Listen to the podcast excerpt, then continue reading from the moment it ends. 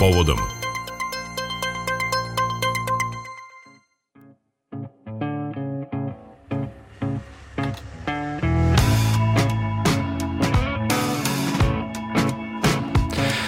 U Skupštini Srbije održava se sednica posvećena situaciji oko Kosova i Metohije. Juče prvog dana rasprava o francusko-nemačkom predlogu u pojedinim trenucima dovela je sednicu na ivicu fizičkog incidenta. O našem odnosu prema predlogu petorice i šansama da on u nekom obliku bude prihvaćen, razgovaramo sa predsednikom Foruma za strateške studije, doktorom Nevenom Cvetićaninom. Dobar dan. E, dobar dan, poštovanje vama i vašim slušalcima. Evo, gospodine Cvetićanin, šta je pokazala debata u parlamentu u vezi sa predlogom? Da li ste čuli nešto od Vučića što bi nagoveštavalo da smo spremni da prihvatimo ovaj sporazum, ali možda i promenu u našem spoljno-političkom kursu i kako, s druge strane, ocenjujete ponašanje opozicije u vezi sa ovom raspravom? Pa pre svega još jednom dobar dan i veliko poštovanje vama i e, vašim gledalcima. Hvala vam na pozivu da govorim. E, rekao bih da je jučerašnja rasprava u parlamentu pokazala da je vrenje koje imamo već više godina, posebno prošle godine, zahvatilo i Srbiju. Rekao bih da je jučerašnja rasprava označava simboličan kraj epohe stabilnosti ili kakve takve stabilnosti e, u Srbiji i početak epohe neizvesnosti. Lično nisam od onih koji se sablažnjavaju nad e, svim onim što se desilo e, u Skupštini, ne zato što to odobravam, već zato što to mislim da je objektivan odraz unutrašnjih i spoljašnjih okolnosti u samoj Srbiji i oko Srbije i ako hoćete uopšte u e, svetskoj politici, tako da sve što se juče desilo jeste odraz u ogledalu, da tako kažemo, našeg društva i naše društvo se pogledalo u to ogledalo juče kroz skupštinsku raspravu i e, smatram e, da to pokazuje da je vrenje koje je prisutno suda, dakle ne samo u Ukrajini da se konkretno ratuje, već i u Londonu, Parizu, da su demonstracije u mnogim drugim tačkama sveta, da je to došlo u Srbiju i ta jučerašnja sednica faktički to pokazuje na e, simboličan e, način gde možda nismo mogli ni očekivati raspravu kao u britanskom parlamentu gde također rasprave odavno nisu ono što su nekada bile u zlatnom nekom dobu demokratije, jer već od Brexita i tamo imamo e, uzavrele strasti i te su strasti sada došle u Srbiju i sad je samo pitanje koliko se one mogu amortizovati, smiriti da društvo bude sposobno e, da nađe svoj pravac i smer kroz ove dosta zahtevne e, međunarodne E, okolnosti i to će zapravo biti ono što će biti glavna tema i sljedećih e, dana u skupštinskom zasjedanju, ali i sljedećih nedelja pa i mjeseci e, u, rekao bih, čitavoj političkoj eliti, bez obzira ko kojoj strani pripada. Dakle, žustrina jučerašnje u Skupštini je odraz u ogledalu ovoga društva i objektivni odraz unutrašnjih i spoljašnjih okolnosti u samoj Srbiji i oko same Srbije. E, da li ste, da, čisto da vas podsjetim na pitanje, čuli nešto od Vučića što bi nagoveštavalo da smo možda spremni da prihvatimo ovaj sporazum, ali eventualno i promenu u našem spoljno-političkom kursu? Pa predsjednik Republike je e, zapravo e, delovao juče po mom mišljenju taktički, a ne strateški. Mm, dakle, verovatno e, državni vrh posjeduje više informacija e, od običnih ljudi, pa čak možda i od njihovih kolega iz Skupštine, iz opozicije o ovom predlogu budući da tu sigurno imamo više slojeva. Jedan sloj je ono što je izašlo u javnost, drugi sloj je verovatno nešto što nije u ovom momentu u javnosti, što samo zna uzak krug e, E, pregovarača i mislim da je predsjednik Republike balansirao između ta dva pola, dakle onoga što može da se e, predstavi javnosti, s druge strane ta javnost prirodno želi da zna e, šta više budući da je tema veoma bitna, budući da je tema, ajte da kažem, od najvišeg državnog i nacionalnog značaja, a s druge strane imamo taj pol pregovaračkog procesa da imamo tradicionalne metode diplomatije, to ne samo u ovom slučaju, to je stotinama godina diplomatija ima svoje metode koje uključuju dakle e, i e, javnu diplomatiju, ali i onu da se blago izrazi manje javnu, nejavnu e, diplomatiju i ponašanje predsjednika Republike je bilo balans između ta dva pola, međutim sve ono što se desilo je negde, eh, da kažemo, ubrzalo eh, ne, neki proces da kažemo eh, da, da svi budu izvan, izvan tog nekog večnog perpetuiranog stalnog balansiranja sve ono što je juče bilo u Skupštini će svakako pomoći da svako profiliše svoju poziciju jasnije. Bez mhm. obzira da li je za ili protiv e, ovoga sporazuma, mi juče konkretno nismo čuli mnogo novoga obzirom na ono što je bilo u javnosti, u medijima, štampanim e, i e, elektronskim i zapravo čitava ju, jučerašnja sednica, verovatno i današnja, bio bi mhm. slobodan da to predviđam, će biti više taktičko pozicioniranje za ono što dolazi s obzirom na e, stajalište različitih strana prema tom eventualnom sporazumu. E, šta vi mislite o francusko-nemačkom predlogu? Da li on, kako to pojedini delovi društva kažu, obezbeđuje Kosovu stolicu u Ujedinjenim nacijama? Da li ga vi doživljavate kao ultimatum i na koji način bi Srbija trebalo da se odnosi prema tom e, predlogu? Pa pre svega to možemo nazvati jednom diplomatskom ponudom sa pravnim i političkim posledicama. Dakle, ja bi to tako nazvao. Diplomatska ponuda sa pravnim i političkim E, posledicama i ovo je samo vrh ledenog brega jednog procesa koji traje dosta dugo, maltene od 1999. kada su e, trupe, konkretne vojne trupe Republike Srbije napustile prostor Kosova i Metohije, preko svih faza koje smo imali e, kasnije znači e, i proglašenja nezavisnosti 2008. i početak pregovora 2011. godine i ovo je dakle vrh ledenog brega i ovo e, bi trebalo da bude e, neko finale tog procesa. Da li će ovo zaista biti finale tog procesa zavisi od unutrašnjih ali i spoljnih faktora. Budući da imamo više da kažemo, faktora koji deluju na politiku Balkana, ako hoćete, i na politiku e, e, Srbije. Ono što smo mogli e, do sada da čujemo iz javnosti i ogradio bi se zato što niko nije video potpuno integralno u javnosti. Dakle, imamo različite verzije tog plana koje su objavljene e, više verzija, dakle do sada smo imali tri ili četiri za ova tri, četiri meseca koliko se o tome govori, i e, veoma je nezahvalno govoriti o tome be, be, bez da smo videli integralni dokument, ali iz onoga što smo videli u javnosti vidimo da je za Srbiju najproblematičnija tačka 4 tog sporazuma koja govori o tome da se neće sprečavati takozvano Kosovo da uđe u međunarodne organizacije da se podrazumevaju verovatno Ujedinjene nacije, čim se kaže međunarodne organizacije Ujedinjene nacije su krovna E, međunarodna organizacija i to jeste nešto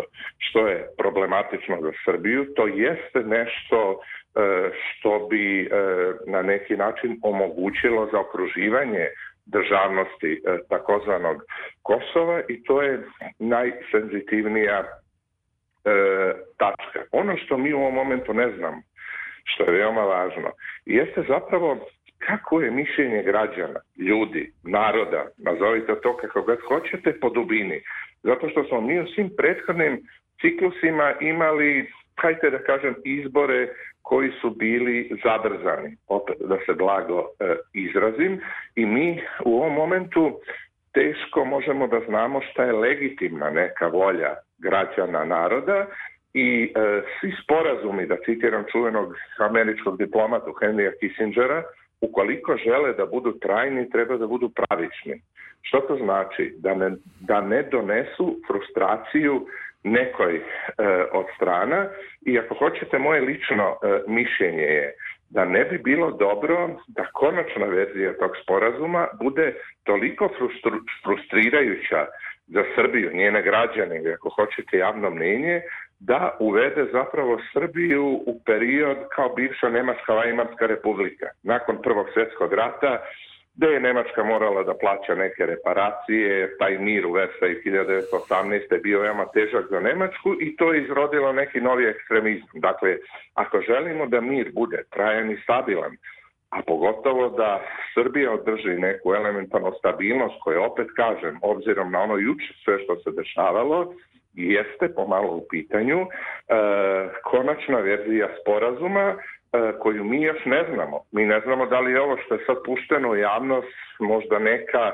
teža verzija, pa da bi konačna neka verzija bila blaža. Mhm. Mm -hmm. Kako bi se predstavilo da smo nešto dobili. Dakle, veoma je nezahvalno ukoliko smo ozbiljni, odgovorni i prema našoj državi i prema javnom mnenju, o tome napamet spekulisati, a ono što možemo reći u principu – jeste da konačna verzija, kakva god bude njena sudbina, prihvaćena ili ne prihvaćena, bi bilo dobro da bude takva, da ne izazove takve frustracije e, u srpskom društvu ili u društvu Srbije, ako hoćete, koje bi se vratili po principu povratne opruge i koje bi za par godina e, dovele ili možda čak i, i, i brže do nekih e, nestabilnosti. Dakle, mi smo u pregovaračkom procesu negde se taj pregovarački proces pokušava e, ubrzati i e, ono što obzirom na sva dešavanja po svetu E, jeste prioritet i ipak neka stabilnost. Ljudi hoće da žive, koji ovo slušaju, da žive. A da li, da. oprostite, da... gospodine Cvjetićanin, mhm. da li verujete da e,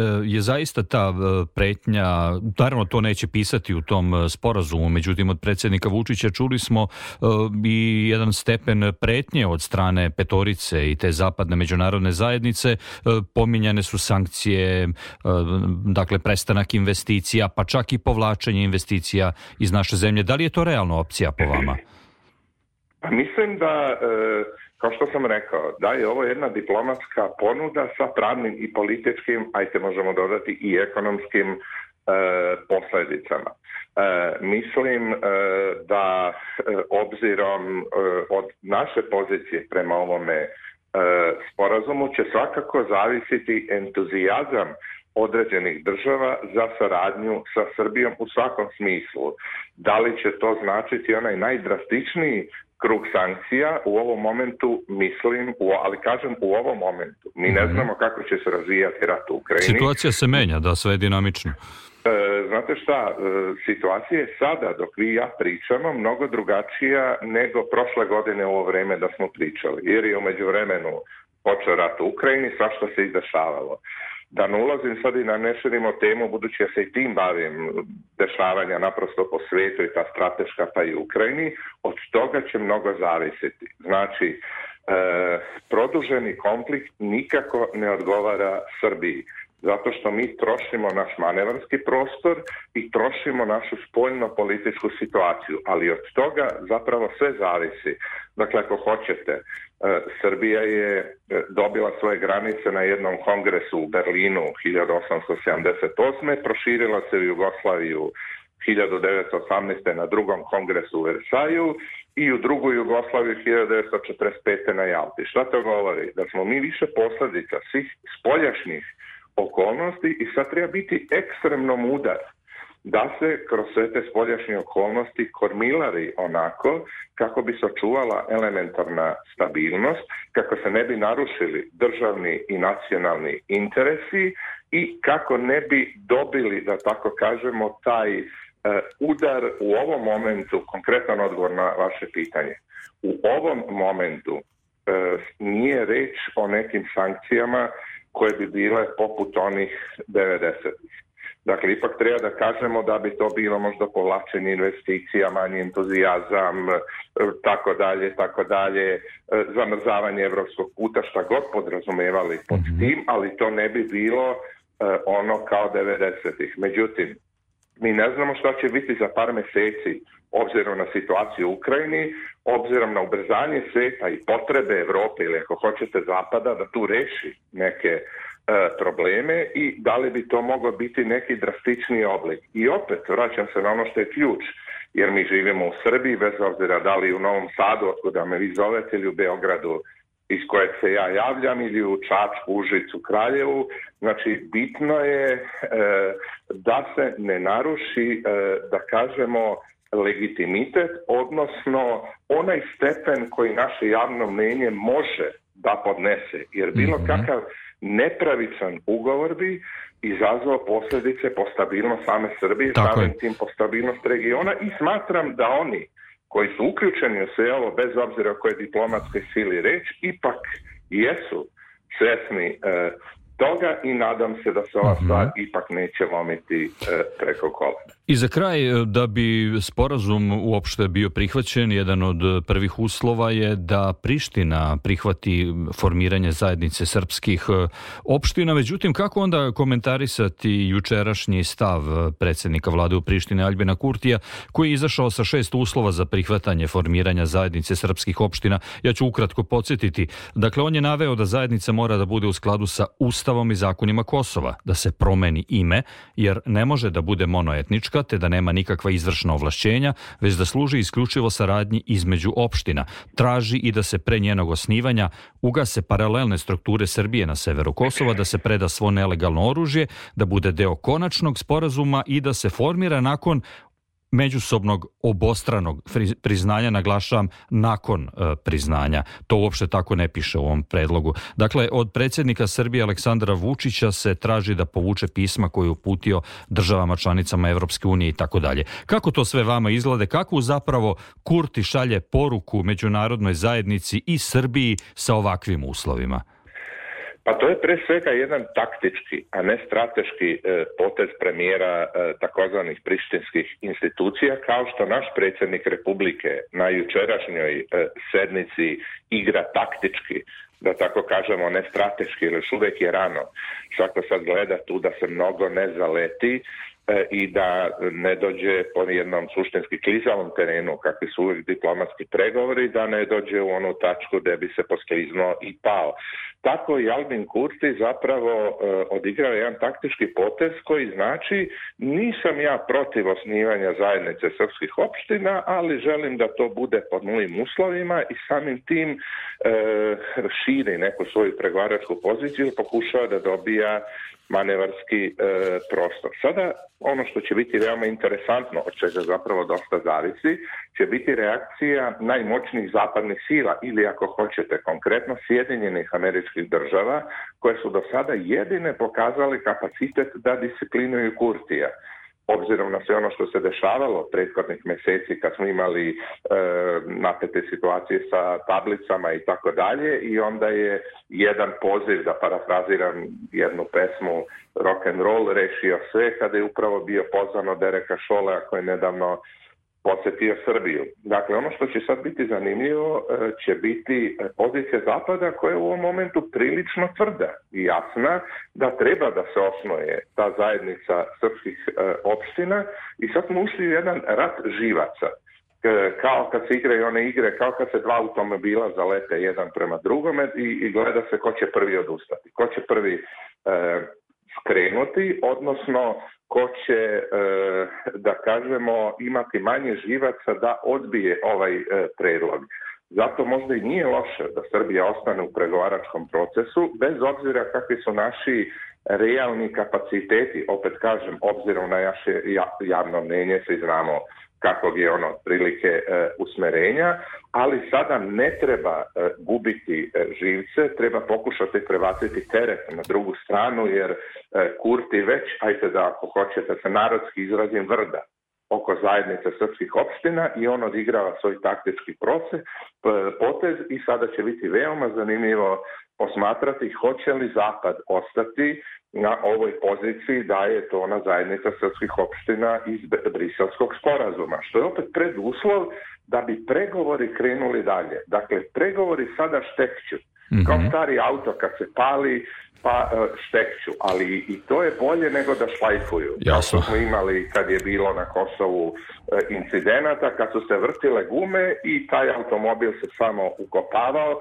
što znači da svi mi na Balkanu onda ostajemo uh, ukopani, mm-hmm. što je dosta rizično u ovim opštim međunarodnim okolnostima koje su vrlo, vrlo napredne. Da, e, hvala vam najlepše gospodine Cvetićanin. Za povodom je govorio predsednik Foruma za strateške studije, doktor Neven hvala Cvetićanin. Prijatno.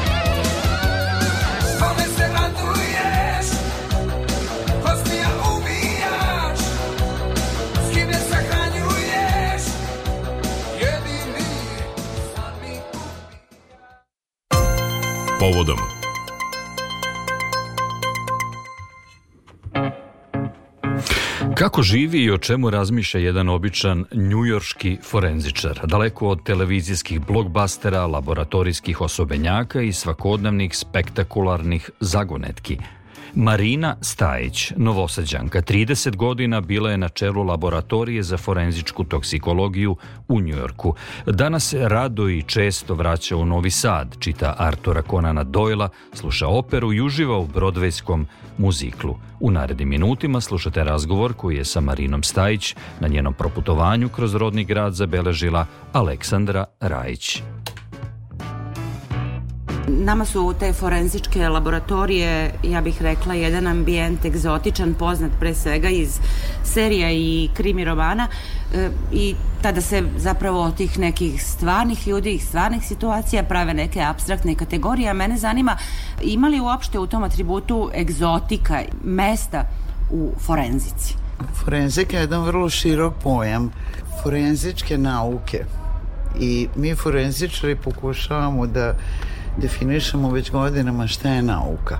Dakle, svaka nauka koja um, se u praksi primenjuje na pravosudni sistem je po definiciji forenzička. Pa je tako i toksikologija, uh, forenzička toksikologija je toksikologija u službi ili u svrhu zakona i sudsko-medicinski postupak. Nauka ili disciplina? Jeste li više praktičar ili ste više naučnik, odnosno predavač u svom poslu? Ja sam više praktičar. Forensička toksikologija je jedna od disciplina forenzičkih nauka kojih ima više. Recimo, Američka akademija forensičkih nauka ima sada 12 sekcija, svaka je posvećena nekoj određenoj disciplini. Je li e, danas toksikologija u forenzici neka novina? Od kada datira? Koliko je istorijski duga ta nauka? U poređenju sa medicinom, recimo, je relativno nova. Forenzička toksikologija je počela da se razvija negde polovinom 19. veka i od onda se i dalje razvija uporedo se razvija sa razvojem novih lekova koji stižu na tržište i to onda uslovljava razvoj novih metoda analitičkih metoda koje se onda primenjuju u toksikologiji da bi se te nove substance mogle dokazati i potvrditi. E, kako ste se uopšte našli u tom poslu? Odnosno, rekla bih da uopšte nije lako ni u čemu u Njujorku biti broj jedan, pogotovo ne u zanimanju, u disciplini koja je, evo, brend, tako reći, u savremenoj medijima, pre svega u nekoj masovnoj kulturi, a ključna, pretpostavljamo, u funkcionisanju jednog tako velikog sistema kakav je Njujork, odnosno Amerika. Našla sam se, kao što se ljudi nađu u raznim profesijama, slučajno, donekle slučajno. A, ja sam diplomirala hemiju ovde u Novom Sadu. A, moj brat koji je dosta stariji bio od mene je otišao u Sjedine države 10 godina pre mene i on je bio sudski lekar uh, u Baltimoru gde je postao program, doktorantski program baš u oblasti forensičke toksikologije uh, koja opet forensička toksikologija uključuje ili da se zasniva na više nauka, uključujući farmakologiju, biohemiju, analitičku hemiju u velikoj meri I tako sam ja otišla u to vreme kad sam ja otišla početkom 70-ih to je baš bio veliki boom forensičke toksikologije. Posle toga je naravno došao DNK i mislim da u ovim serijama koje ste spominjali više je fokus na DNK. DNK u suštini odgo vrlo jednostavno odgovara na pitanje ko, dok forensička toksikologija odgovara na pitanje šta. Kako to je policijski posao? A, kako to, da, to je policija. Pa donekle, donekle je i toksikologija odgovori na pitanje kako, jer prva dužnost, da kažemo, forensičkog toksikologa je ili laboratorije forensičke da uradi analizu i da se odredi da li tu postoje neke toksične substance, a onda odgovara i na pitanje kako, jer onda dolazi interpretacija tih rezultata, tako da se često postavlja pitanje kako ili na koji način su te substance koje su pronađene uticale na naše ponašanje zapravo ili na ljudsko ponašanje ili uh, većina mojih slučajeva je bila iz obdukcionog materijala dakle tu je pitanje u diskusiji sa patolozima da li, je, uh, da li su toksikološki nalazi odnosno substance koje su u našim nalazima imale neki ili direktan ili um, su bile na neki način faktor u smrti te osobe. Koliko je uopšte tih substanci koje možete registrovati da menjaju naše ponašanje, recimo u tom smeru u ko o kojem vi govorite? Najčešće što smo viđali u, u praksi i što se još uvek najčešće viđa u praksi je alkohol, etanol koji je i najviše istraživan, a ostale substance, pa većina lekova koji deluju ili kao depresivi ili kao stimulansi imaju uticeno ponašanje ne samo lekovi nego i droge, substance koje na engleskom reč drug se odnosi i na lekove i na ilegalne droge većina lekova, većina droga utiče na ljudsko ponašanje. Neke od tih substance koje se koriste kao droge, neke su stimulansi, a neke izazivaju depresivno stanje. Tako da i to zavisi od korisnika. A mogu li zapravo vaši rezultati u nekom smislu biti i preventivni? Mislim, kad govorite o alkoholu ili o tim nekim barbituratima, to su praktično banalne, već više substance koje dobar deo ljudi koristi, ne govorimo o teškim drogama. Alkohol je substanca koju najčešće srećemo u ovim našim forensičkim ispitivanjima. Što se tiče preventive, pa mislim da je tu već dovoljan primer alkohol i vožnja, gde se stalno snižava uh, dozvoljena količina alkohola u krvi, baš zbog toga što se sve više i više istraživalo, istraživao negativan uticaj alkohola na vožnju. Onda kada se pojavi neka nova droga na tržištu, tu isto postoje upozorenja. Trenutno je ovaj fentanil je velika kriza bar u Americi, da se umesto heroina prodaje fentanil koji je oko dva, ima oko 20 puta jače dejstvo od morfijuma, koji u stvari aktivni, aktivna komponenta heroina. Tako da preventiva e, postoji, može da se primeni preventivno, e, da recimo se zna kada neko završi u bolnici koji lekovi mogu da mu se daju da bi se ti simptomi uh, smanjili i često da se spreči smrt. Kada već govorimo o Njujorku kao vašem ambijentu i kao vašem radnom mestu, e, Njujork je naravno pre svega centar medijske pažnje, centar umetnika, centar uh, zabave, centar sveta, naravno. Je li bilo, ako to nije senzacionalistički, je li bilo u vašoj praksi slučajeva da ste radili uh, E, na, slu, na nekim slučajevima nekih poznatih ličnosti?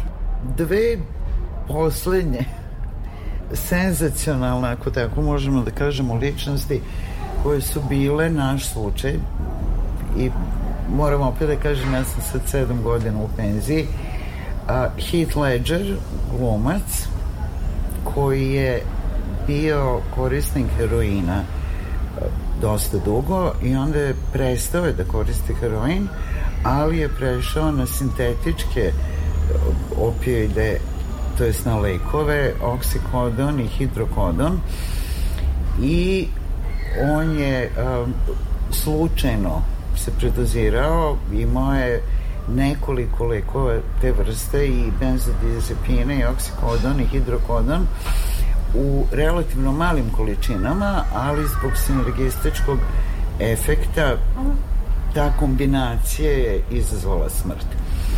A, posle toga smo imali Filip Seymour Hoffmana isto glumca, da isto glumca a, koji je s druge strane on je ist, on je prestao da koristi droge i kada je završio taj program odvikavanja čim je završio program je kupio i heroin i kokain Toksikološki nam je on bio mnogo jednostavniji slučaj zato što je imao velike količine kažem, ob, i heroina i kokaina.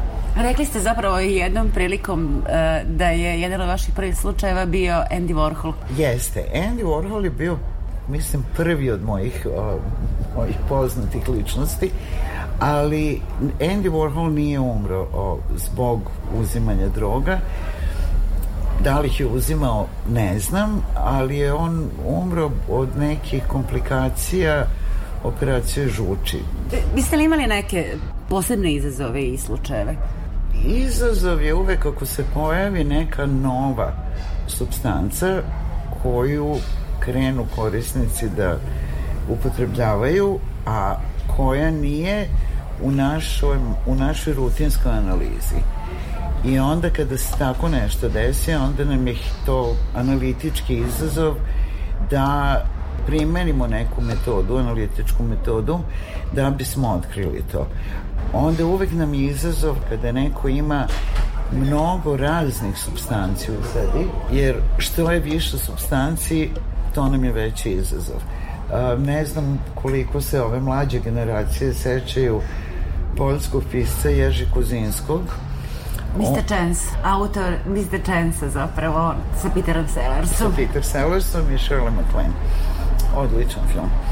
A, pisao mnogo drugih vrlo dobrih romana ali on izvršio samoubistvo i on mi je ostao onako od, od svih slučajeva jedan od najkomplikovanijih zato što smo našli negde oko 20 različitih substanci u njegovom sistemu nije bilo sumnje da je on izvršio samoubistvo jer je ostavio i oprošteno pismo, a pored njega su našli dve boce sa tečnostima na, na kojima je pisalo uzeti u slučaju bola, a na drugoj je pisalo uzeti u slučaju jakog bola.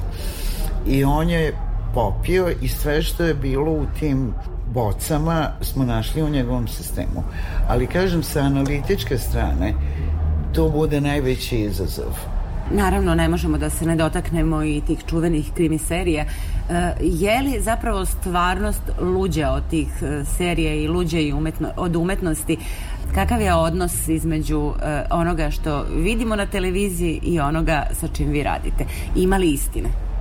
Naravno da ima istine i sve te serije su zasnovane na nekim događajima stvarnim. Ono što je velika razlika je da u svakoj epizodi serije se desi nešto zanimljivo.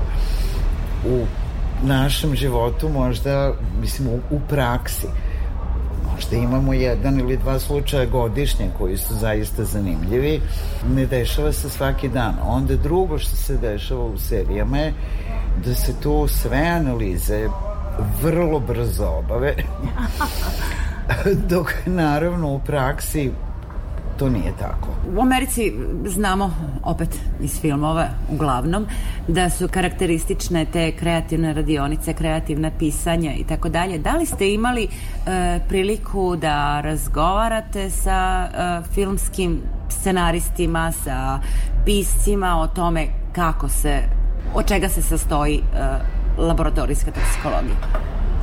Imala sam više puta a, prilike da razgovaram više sa pisima kriminalnih romana. Neki su mi se čak i zahvalili u tim romanima na, na savetima. Jedan vrlo, ne znam ovde koliko je poznat, ali vrlo poznat u Americi pisac Robin Cook. Film Koma je većina ljudi gledala to je bio njegov prvi veliki uspeh po kome je snim, roman po kome je snimljen film a, on je od svih tih pisaca koliko sećam on je jedini baš došao u laboratoriju ali on ima jednu seriju koja se dešava u Njujorku u institutu za sudsku medicinu Rekli ste da ne pratite puno krimi serije, ali e, čitate. Najčešće čitam, iako većinu priča znam vrlo dobro, najčešće čitam Sherlock Holmesa, a, čitam i druge priče Conan Doyle-a, e, zato što Conan Doyle jako lepo piše, prosto zato. Čitala sam puno i Agata Christie romana, a kod Agate Christie su me uvek posebno interesovale priče gde je neko otrovan. To je i profesionalno, ali Sherlock Holmesa da sam ja čitala mnogo pre nego što sam počela da se bavim forenzikom. Ali čitam i druge stvari. Volim da čitam u Njujorku, nešto što se dešava u Njujorku. Uh, volim da čitam uh, u tom periodu kraj 19. veka, početak 20. veka. Volim biografije da čitam isto. I još jedna vaša ljubav, to je opera i sad me zanima, evo da, i da završimo ovaj razgovor, uh, šta je to što ste eventualno poslednje gledali u Metropolitenu i šta je to zašto ste već rezervisali karte? Što se mene tiče, Metropolitan je stvarno vrhunska operska kuća u svetu i poslednje, evo, prošle sezone sam slušala jednu izvanrednu, izvanrednu produkciju Rigoleta, iako to puta nije bio Željko Lučić, a trudim se kad god mogu da vidim Željka, odnosno čujem Željka Lučića u Metropolitenu. A sledeće sezone, odnosno to je sad ova sezona već, Wagnera, jako volim Wagnera, a Lohengrin je najomiljenija opera, tako da ću svakako ići na Lohengrina.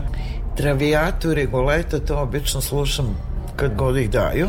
E, opera je jedna manja poznata Fedora, to imam karticu nad početkom januara, a drugo idem često na Broadway, pošto i muzikla jako volim. I to sam gledala prošle sezone Hugh Jackmana, koji je bio fenomenalan u jednom od mojih omiljenih muzikla, inače The Music Man, i sada novi muzikal nije bio loš, koji je pravljen po filmu Neki to vole vruće. To je poslednje što sam gledala. I to je jedan od razloga zbog kojih je uskoro i žurite nazad u Njujork. Idem nazad u Njujork. Ja još uvek obožavam Njujork, još uvek sam zaljubljena u Njujork, a to je bilo na prvi pogled. Kad sam imala 14 godina, sam prvi put bila u Njujorku i ostala mi, kao i Novi Sad. Moje dve ljubavi što se gradova tiče, Njujork i Novi Sad. Hvala vam na ovom razgovoru, želim vam srećan put i srećan povratak nazad u Novi Sad.